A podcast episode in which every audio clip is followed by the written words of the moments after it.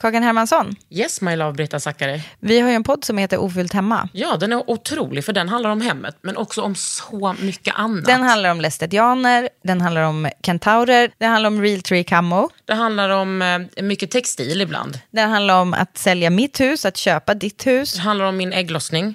Alltid. Ja. Min också. Tack. Den heter Ofullt hemma och den finns där poddar finns. Hörs i podden, hej då! Hiring for your small business? If you're not looking for professionals on LinkedIn, you're looking in the wrong place. That's like looking for your car keys in a fish tank. LinkedIn helps you hire professionals you can't find anywhere else, even those who aren't actively searching for a new job but might be open to the perfect role. In a given month, over 70% of LinkedIn users don't even visit other leading job sites. So start looking in the right place. With LinkedIn, you can hire professionals like a professional. Post your free job on linkedin.com/people slash people today. Han tog bögen in till vardagsrummet, till alla Svenne-heteros lilla vardagsrum. Och idag tog han med sig fika till mig. Idag pratar jag med Christer Lindarw om liksom det 41-åriga engagemanget i After Dark och allt vad det där innebär. Otrolig legend. Alltså otrolig legend. Det här är en podd från L. Under huden.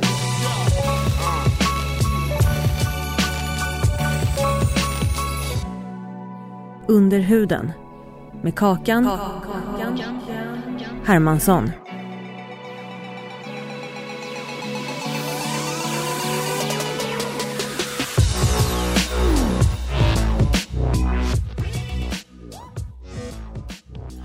Christer Lindarw. Vet du vad, jag har aldrig, jag tror aldrig att jag har haft en sån legend i den här studion. Förlåt alla andra som har varit med men alltså, du är ju en legend. Ja, det vet jag fan om är legend. Är man inte, har man inte dött då redan? Om man är Nej, det är, det är nytt nu. Nu kan man vara en levande legend också. Ja, det, ja, det får vi väl säga det då. Men Levande. känner du inte det lite så ibland? Legend. Nej, nu trillar micken.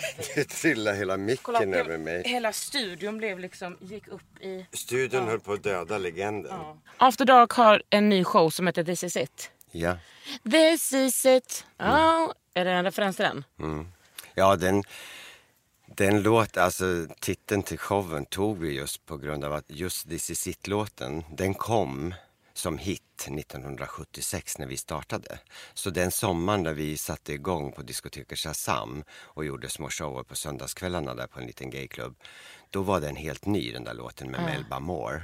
Och eh, det var faktiskt mitt första nummer jag gjorde på scen där. Fast Någonsin? som ett solonummer då. Ja, någonsin. Eh, Jag hade gjort en liten kabaré på Alexandra innan. Men sen när vi började köra lite egna grejer, lite mer som After Dark då.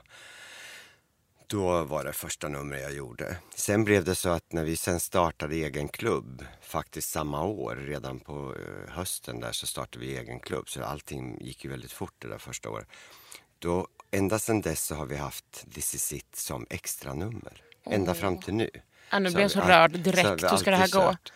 Det där numret. Så Men att, eh, kommer du i olika skepnader för varje, alltså för varje extra nummer eller har du samma persona liksom? När vi gör This is it på slutet då brukar vi alltid göra det, hela gruppen som är lite mera nästan, inte privat, vi har ju fortfarande makerna men vi brukar köra med egna hår Mm.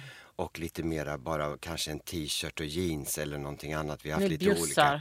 Men då är vi lite mera privata Mm. när vi kör extra numret. Är det liksom för att publiken ska få känna någon slags intimitet? Ja, det är det väl och, och att de kommer lite in på personen bakom masken på något sätt lite grann. Men alltså 1976, 41 år sedan. Man var tvungen att räkna. Det är skitlång tid. Och här Det är sitter du och ser Det är ändå inte många liksom... grupper som håller ihop så, så länge. Alltså ABBA släng er i väggen. Ja. Men vad, alltså när ni, jag, jag är så himla nyfiken på att veta hur det var 1976. Här. Homosexualitet var fortfarande klassad som en sjukdom. Eh, och då kom ni och satte bögen i vardagsrummet. Hur mottogs detta? Av, det finns ju olika eh, publik såklart, alltså en, en hbtq-publik men också svennehetron. Vad, hur, hur, hur skulle du säga att reaktionerna var när ni, när ni blev Ja, liksom alltså större? det var ju det var ganska det var en väldigt kul tid för att det var en rätt öppnande tid då. Det fanns någon slags nyfikenhet på den här delen av, av, av eh, att leva. För att det fanns inslag redan i populärkulturen och popmusiken och allting av någon slags lite bisexualitet. Bowie hade slagit igenom, Mark Boland med sin sminkade ansikte, Sweet, Kiss. Det var alla de här, det fanns inslag som var lite det här och det skrevs som Bowie, det skrevs som att Mick Jagger och Bowie hade de har ju hållit på. någonting och det var lite om Mick Jagger hit och dit och bisexualitet. Så det fanns en nyfikenhet och en, en öppenhet mot det här lite grann faktiskt som, som hjälpte oss lite grann där tror jag att, och som fanns i samhällsstämningen helt enkelt på något sätt. Så jag tycker att vi fick ju väldigt bra mottagande på en gång. Och eh, alla tyckte det var jättekul när de såg oss och så. Jag tror att vi gjorde ju också ganska snygg show redan från start. Alltså vi var aldrig så där riktigt underground dåliga eller vad Det ska jag säga. polerat. det var ganska snyggt och Flinkman stod för det burleska med sin stora kroppshydda och lite hår på bröst i urringningen och så. Jag stod för det lite mer trovärdiga och den där som de nästan satt och gissade i publiken. Men det där måste vara en tjej. Och så så att, eh, jag stod för den delen då som också då var spännande. Och så kom ju då, det var, vi annonserade ut oss som en gayklubb och så. Men gaykillarna fattade ju snabbt att det här skulle mina arbetskamrater gilla. Eller det här skulle mamma och pappa kunna gå på. För att det var ett sånt pass eh, schysst ställe att gå till. Så att de tog ju med mamma och pappa, de tog med syrran och de tog med liksom kompisar och arbetskamrater. Så att After Dark blev ju faktiskt Stockholms första mixade klubb. Där både straighta och gay kunde umgås under samma tak och ha kul tillsammans. Och också tror jag en för, eller vi, vi, vi var väl bra på det sättet att vi öppnade ju upp en värld för den heterosexuella publiken. Som kanske hade undrat vad en gayklubb, vad en bögklubb för någonting? Något obskyrt på en bakgata och vad gör de där inne Och det är bara läder. Ja, du vet, de hade ju ingen aning. Så att det var ju väldigt schysst på det sättet att, att få visa att det här är bara en vanlig klubb, det är ungdomar som roar sig. Så att eh, på det sättet så gjorde vi skillnad kanske ganska tidigt tror jag. Sen fick vi ju redan året efter eh, vår första tv-sända show då. Precis, jag tänker att det spelar väldigt stor Det roll. var ju helt otroligt. Och hur mottogs det? Ja, det var ju fantastiskt. Först var vi med i ett program som heter Kvällsöppet, som, som ett diskussionsprogram. Där de gjorde, eh, eh, det var redan januari 77, då hade vi bara hållit på några månader. Och då gjorde de ett program om eh, män i kvinnokläder och hade ju räknat med att det skulle bli lite skandaldiskussionsprogram och de hade förstärkt med, med, med folk i den här klagomuren på ett SVT som folk kunde ringa till och klaga på program. Där hade de förstärkt. Ja, och det blev ju ett enda stort gulligull och reklamprogram. Vi satt ju där och var snälla och trevliga. Var ni nervösa? Jag är jättenervös. Men då hade de spelat in inslag från showen som de visade glimtar av. Vi gjorde ett nummer i studion, filmat på eftermiddagen. Och så makade vi av oss och så satt vi där som privatpersoner. Det var jag, Lasse Flinkman och Roger Jönsson. Det var ju vi tre som var de första järngänget där. Och vi var ju bara små gulliga pojkar som pratade om att det här var kul och, och, och, och sådär. Och var ju inte alls något konstigt. Det blev ju bara en stor reklamgrej hela det där programmet. Och de som ringde till, de som ringde till klagomuren, de, de frågade ju bara var de kunde köpa biljetter. Ja. så det var ju inget. Så att vi hade ju inte så mycket, om man säger eh, spott och spe mot oss eller, eller hån och så. Däremot så fanns det ju inte då sociala medier. Nej, tack gode gud. Ja, så jag tror att det var säkert folk som pratade skit bakom ryggen. Det var säkert folk som tyckte vi var jätteäckliga. Mm. Eller sådär. Men det kom aldrig fram till oss riktigt. Och det, det möttes ni aldrig av på föreställningarna eller klubben? Liksom. nej, nej. Det var alltid bara grejer. Det finns ju och fa- det fanns ju då och finns fortfarande särskilt män som är ditdragna till showen även nu för tiden. Mm. Ditdragna av frun som har köpt biljetter för hon tycker det här ska vi gå och se. Ja. Arne, nu får du, nu, nu får du hänga med. Sitt ner i stolen Arne. Ja, för nu ska vi se på drag och han tycker, ja, vad fan. Och så ser man faktiskt när man tittar ut över publiken, man kan se dem här ibland. Och hur mannen sitter och tittar lite ner i bordet och inte riktigt ens vill titta upp på scen för han har någonting emot det här redan. Och sen vart efter showen går och vi gör något kul imitationsnummer, någon rolig text eller någonting, så ser man att en mungipa åker upp lite granna.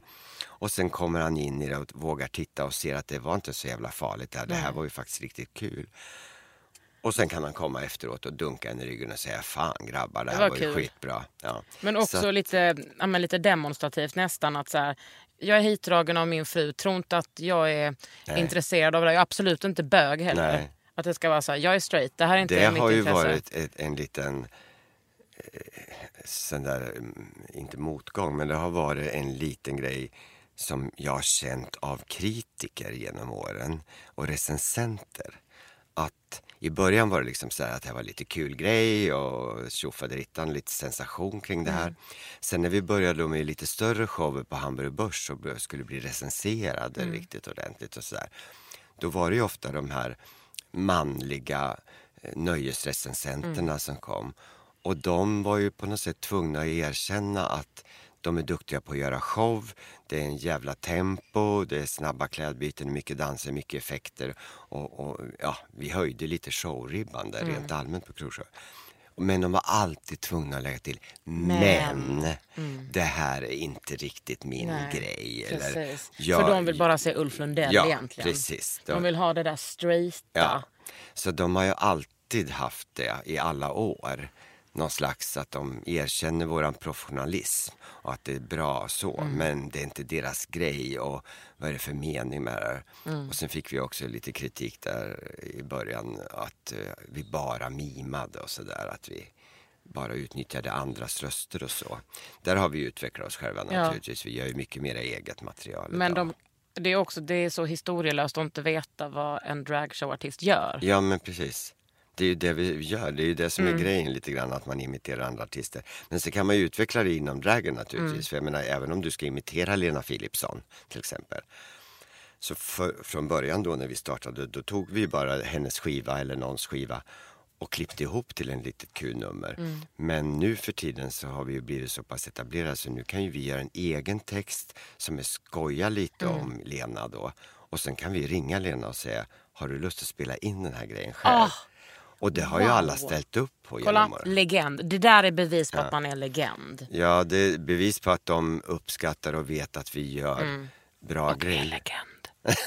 En kategori Det, av... det, jag måste bara säga, en av de ballaste grejerna vad gäller att få tillstånd och göra någonting extra och med, med originalartister som spelar in special. Det är ju när vi gjorde, skulle göra en liten parodi på Helen Sjöholm och eh, Tommy Körberg.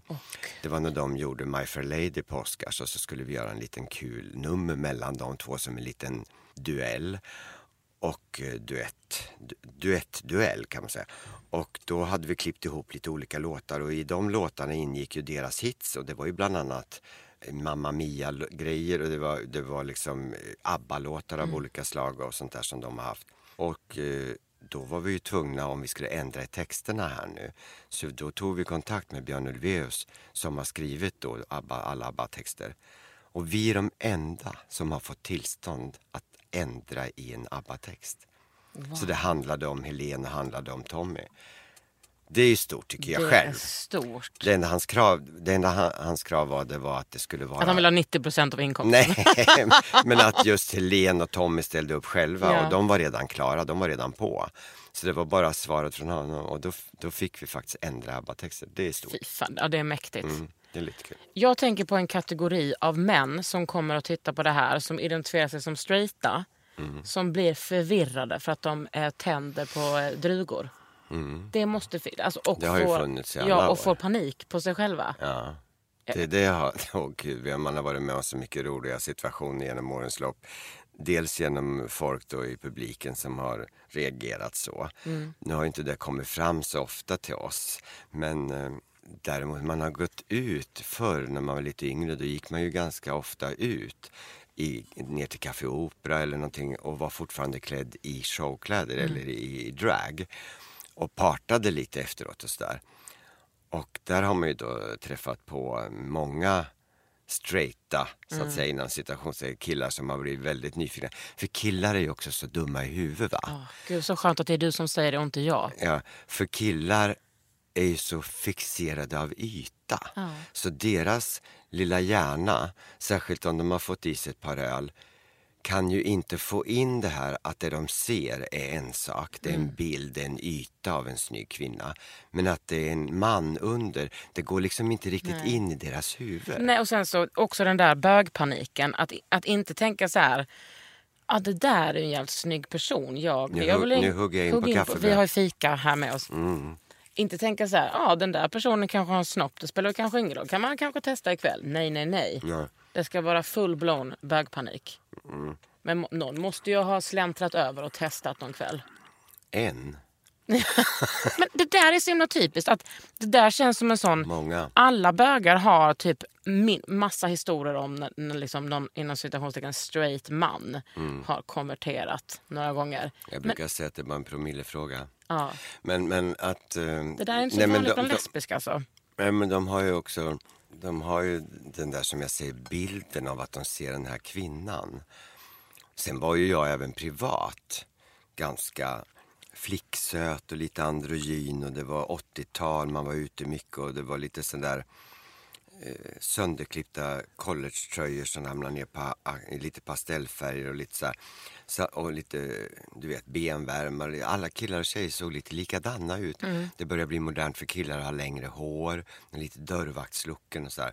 Så jag hade ju långt hår. Och, så det fanns ju killar som kunde tända till lite på mig som var straighta och kanske var nyfikna det där med att kanske testa någon gång.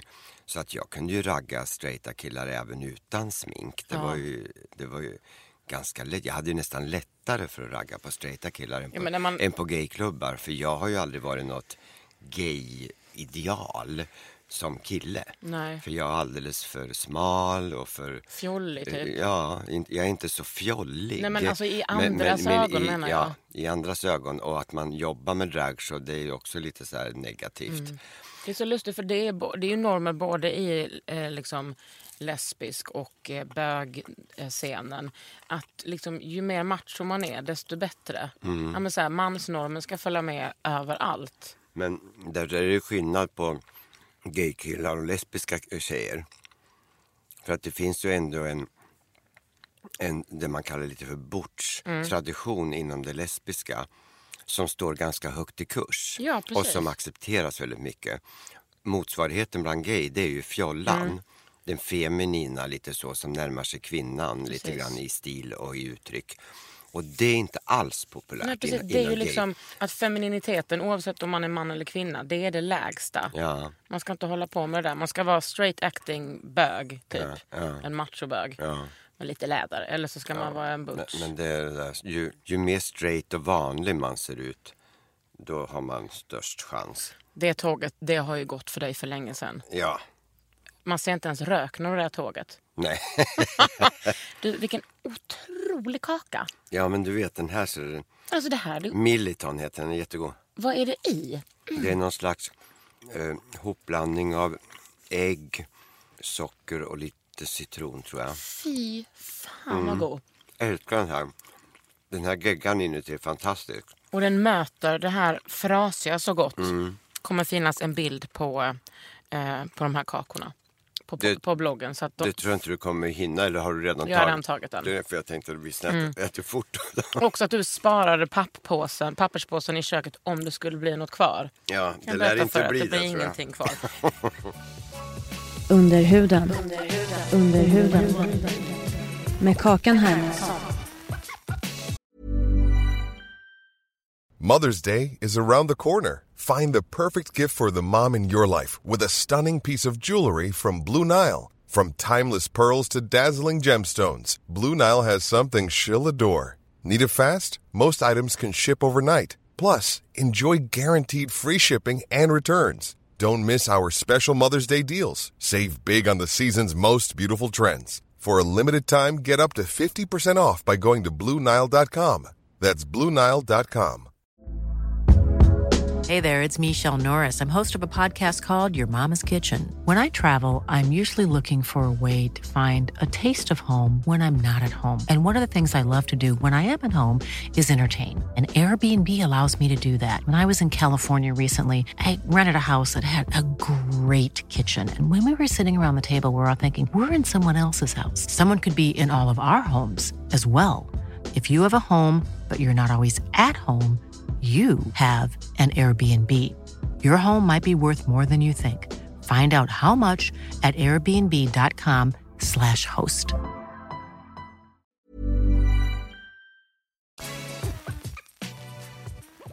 Men du, när du var liten, när du var en ung pöjk.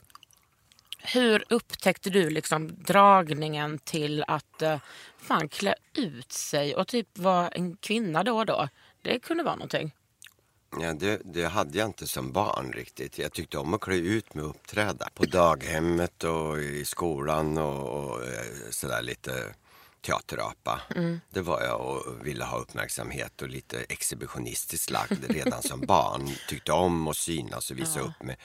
Och fixa lite med kläder var jag ju tidigt intresserad av. Och så jag stack ju ut i hemma i Eskilstuna. Men inte det där med att klä mig i damkläder men däremot på daghemmet där hade vi någon låda men där kunde man ju klä ut sig till både sjörövare och till en sockerbagare och sjunga det om man ville. Alltså det, så det var mycket så då. Men att, att eh, klä ut mig till tjej fanns inte riktigt med i bilden där. Tänkte man inte så långt ens en gång. När kom det då? Ja, det kom ju då. Det var ju en slump egentligen det här att jag började med det här. Det var ju en maskerad på 1975. Det temat var ombytta roller. Och då gick jag på den Hur gammal var du då? Ja, vad var jag? 20...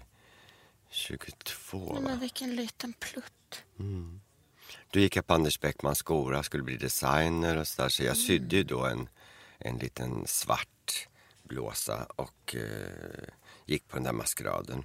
Och det var i med den som, som jag sen blev tillfrågad för att det var någon som hade sett mig på den maskeraden som kände de här människorna som satte upp den här kabarén på Alexandra.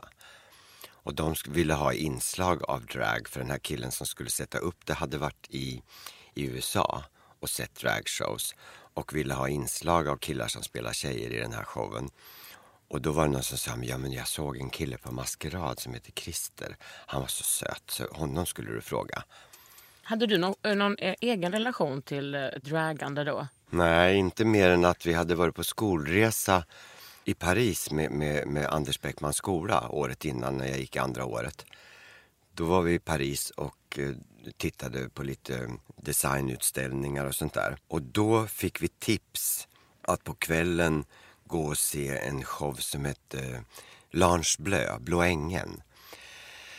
Och den showen gick vi och såg och där var det ju drag och det var lite blandat. Det var tjejer också och som sp- spelade tjejer och sen var det lite dragkillar och så var det en jättehäftig konferencier som var lite som han i, i filmen Cabaret, lite Joel Grey, lite så.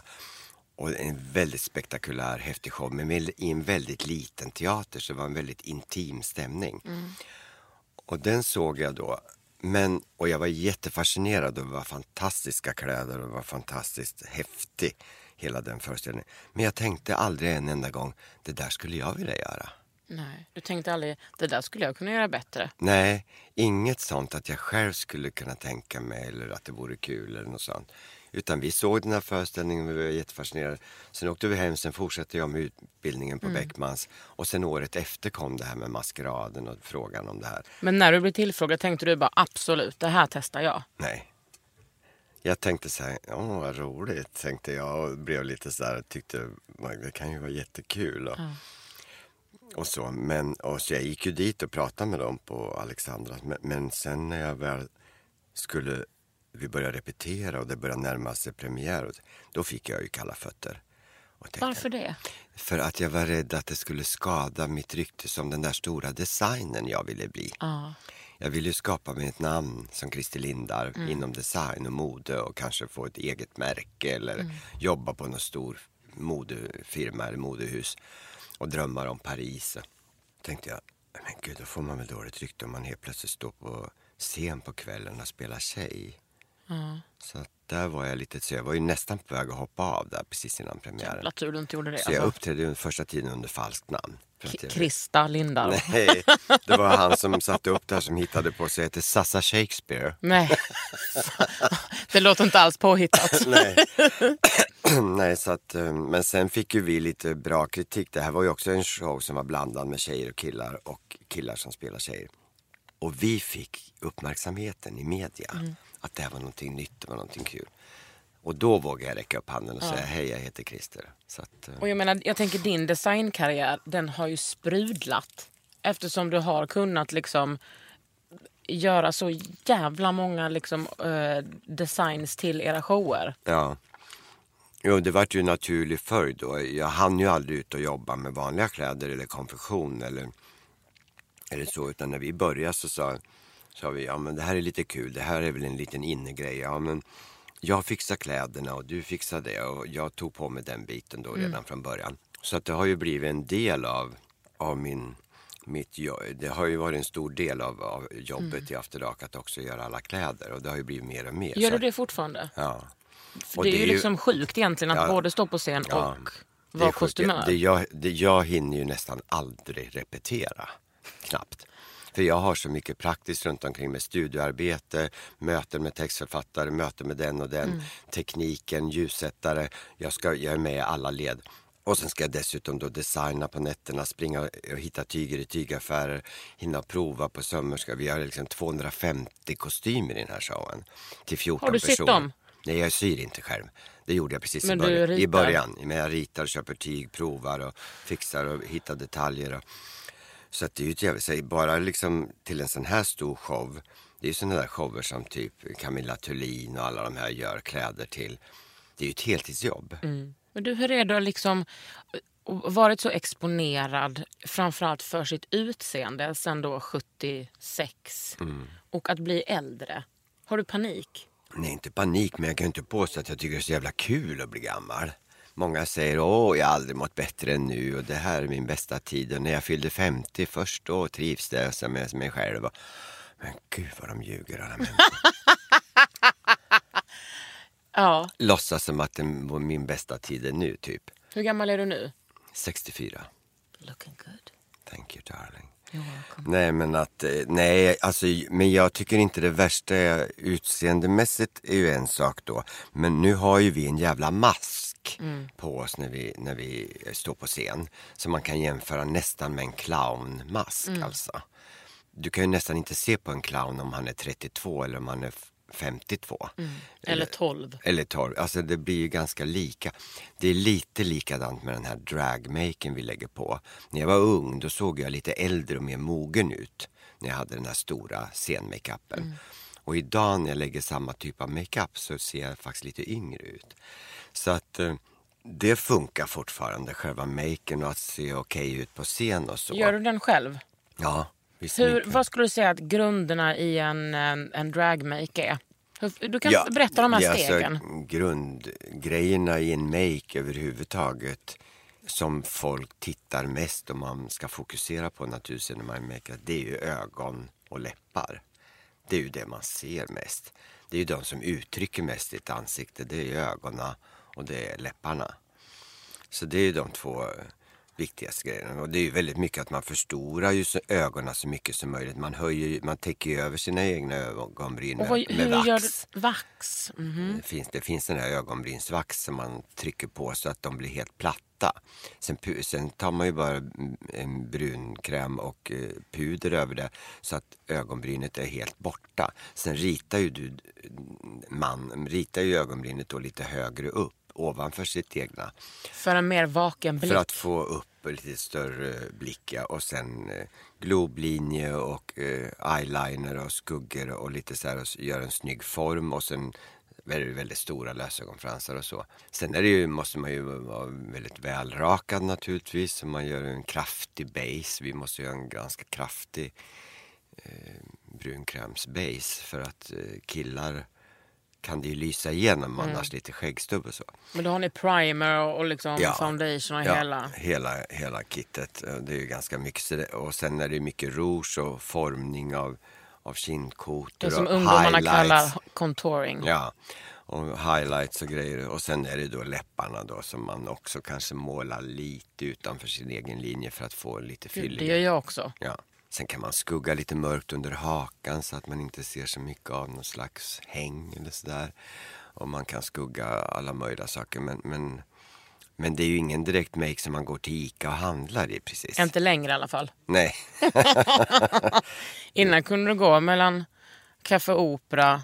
Ja men då var det ju Ica och- nattklubb. ja. Då var det en annan sak. Men jag menar det är ingen vardagsmake. Det är det jag Nej. menar. Det är ganska stor make där. Så att det tycker jag funkar fortfarande. Det värsta med åldras.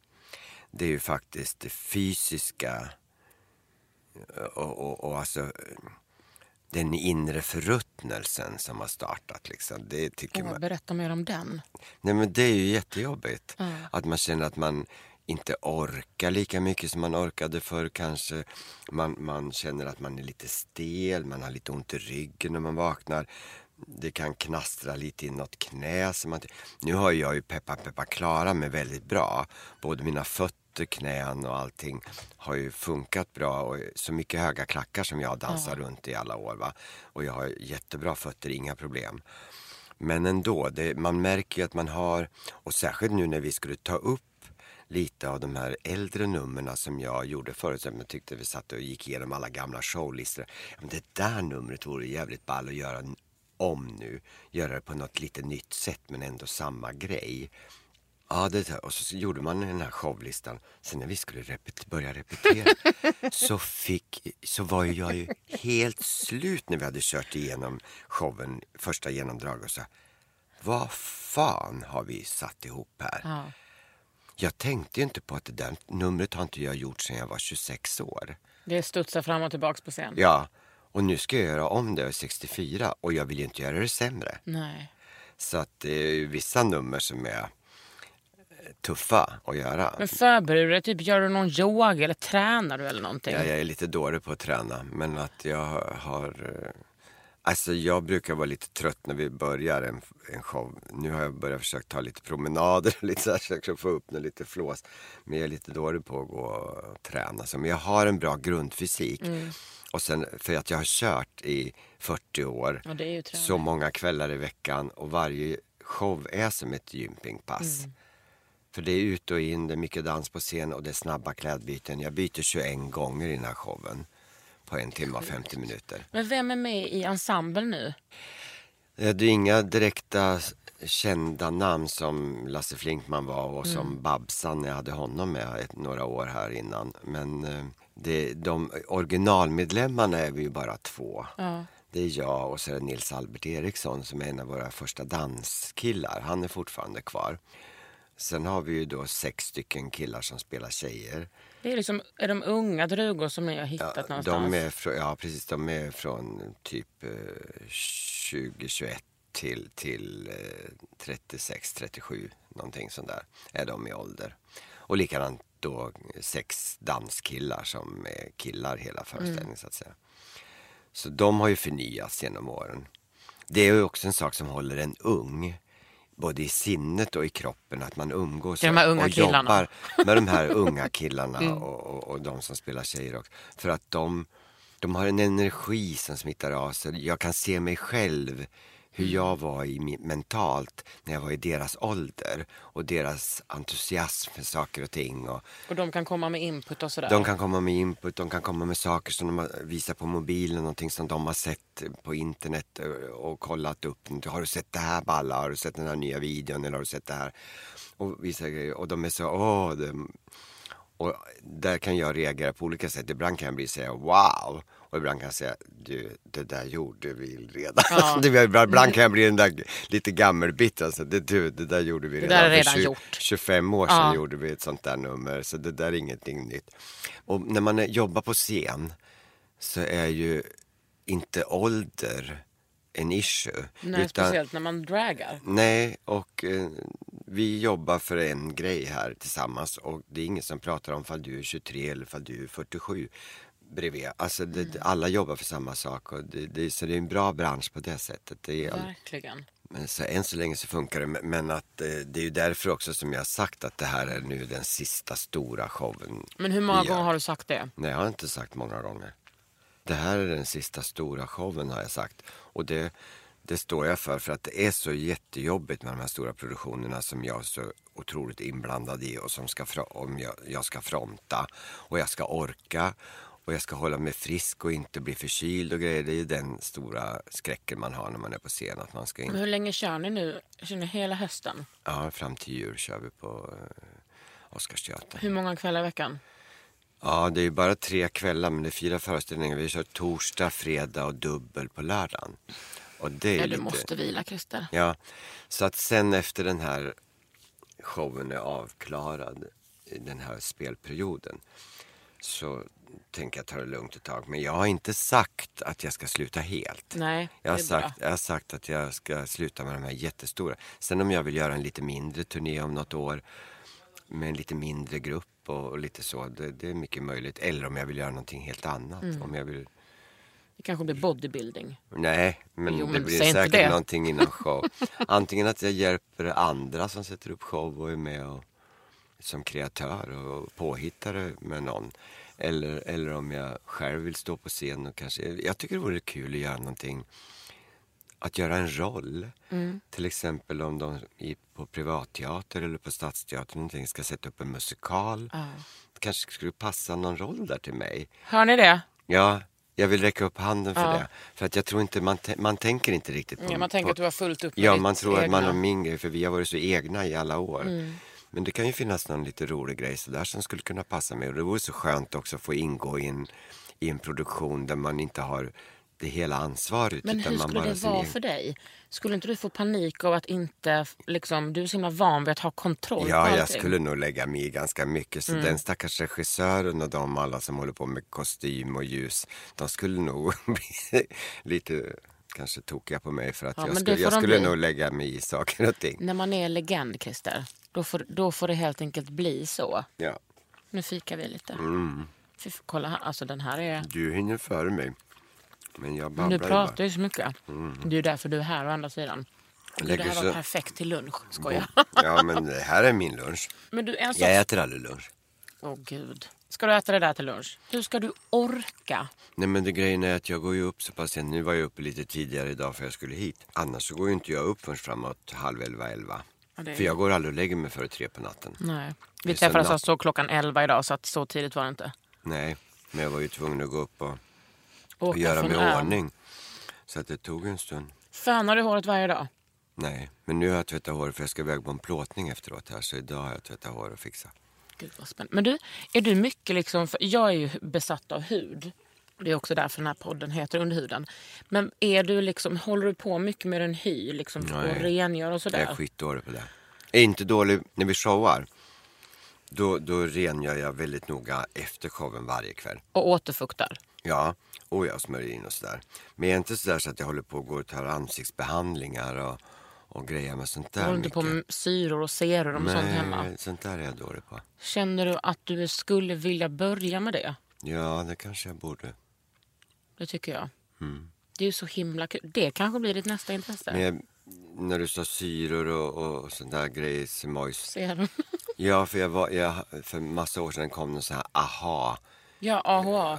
Ja, grej, som- någon eh, kräm som man... Men du, då flagnar man ju så mycket. Det om det är jättestarkt eller om man är jättekänslig så kan Så det, det bli blev så. så tokigt, vet du, när jag, skulle, jag körde med den där ett tag. Och, men det var samtidigt när vi höll på att showa. Så när jag skulle makea mig på kvällen då såg jag som ut som en sån här ödla i ansiktet. För jag hade bara massa flagor. Och så skulle jag försöka sminka på det här så det gick inte. Så jag, då la jag ner. Ja, men nu ska vi inte jag är lite rädd för de där. Ja, men, men det kanske vi- finns bättre. Du kanske kan tipsa något kolla efteråt. på det här ansiktet. Vet du hur mycket AHA jag har smält i mig? Jaså? Väldigt mycket. Bara slipat ner hela det här lilla facet. Men du är ju så ung, måste du hålla på Men med jag sånt? är inte så ung. Jag Inte? är 55. Jag skojar. Va? jag är 36. Nu höll jag på... Nu höll jag på att få fråga. Jag tänkte, nej men... Då var det jävligt bra syre tänkte Jävligt bra. Nej, jag är 36. jag. Ja. Men jag, det är ju också det, när man inte väger 40 kilo. Då, får, alltså då fyller det ju ut mycket mer liksom. ja, det är ju bästa knepet om man, att gå lite upp i vikt när man blir äldre. Eller alltid Ja. har gått upp i vikt. Mm. Precis. Fyller man Mm. ut drinkarna. Men du, Oscarsteatern går This is it med After Dark. Fan vad spännande. Jag ska komma förbi Ja, det måste du göra. Och gråta och skrika. Du har lyssnat på Underhud med mig, Kakan Hermansson och Christer Lindarw. Under huden med Kakan Hermansson. En podd från L.